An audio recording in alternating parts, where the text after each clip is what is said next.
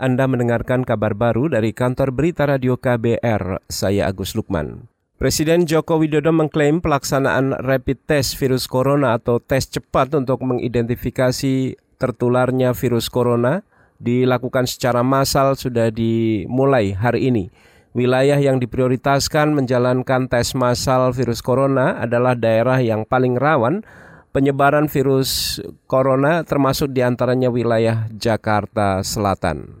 Kemudian mengenai rapid test, memang sudah dilakukan sore hari ini di wilayah yang dulu sudah diketahui ada kontak tracking dari pasien-pasien yang positif sehingga dari situlah didatangi dari rumah ke rumah untuk dites. Jadi memang ada prioritas dan kita memprioritaskan wilayah yang menurut hasil pemetaan menunjukkan indikasi yang paling rawan di Jakarta Selatan, itu tadi Presiden Joko Widodo. Sebelumnya pemerintah mengklaim telah menyiapkan satu juta peralatan rapid test atau pemeriksaan cepat deteksi virus corona.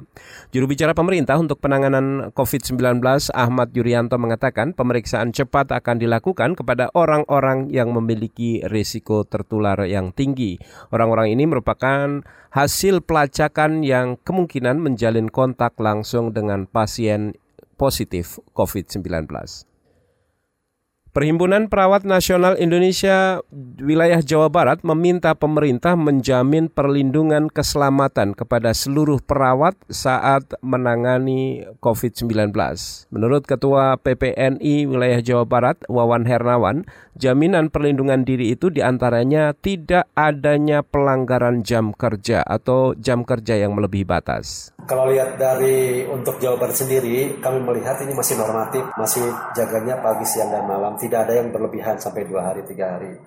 Nah dengan kondisi ini, kami semuanya diserahkan kepada rumah sakit yang punya protap SOP.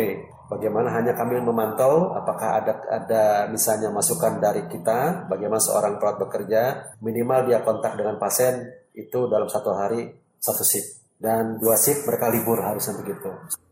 Ketua Perhimpunan Perawat Nasional Indonesia PPNI Wilayah Provinsi Jawa Barat Wawan Hernawan mengatakan, jika terjadi pelanggaran jam kerja terhadap perawat oleh rumah sakit tempat bekerja, maka PPNI Jawa Barat akan mensosialisasikan batasan waktu kerja perawat kepada otoritas yang bersangkutan.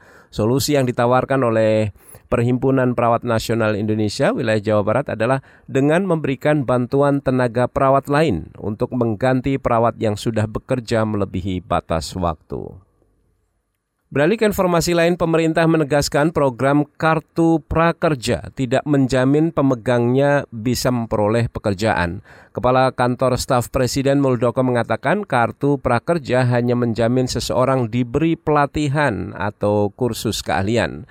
Menurut Muldoko, kartu prakerja merupakan akses bagi masyarakat untuk menambah keahlian mereka. Ini juga bukan sebuah jaminan bahwa setelah kartu prakerja itu pasti mendapatkan pekerjaan. Karena tugas pemerintah adalah sekali lagi mendorong kepekerjaan dan kewirausahaan, bukan menjamin. Muldoko yang juga Wakil Ketua Komite Cipta Kerja dan Kartu Prakerja mengatakan Kartu Prakerja bukan satu-satunya cara pemerintah dalam meningkatkan kualitas sumber daya manusia. Ia mengklaim masih ada lagi program serupa seperti Kartu Indonesia Pintar dan juga revitalisasi sekolah menengah kejuruan atau SMK.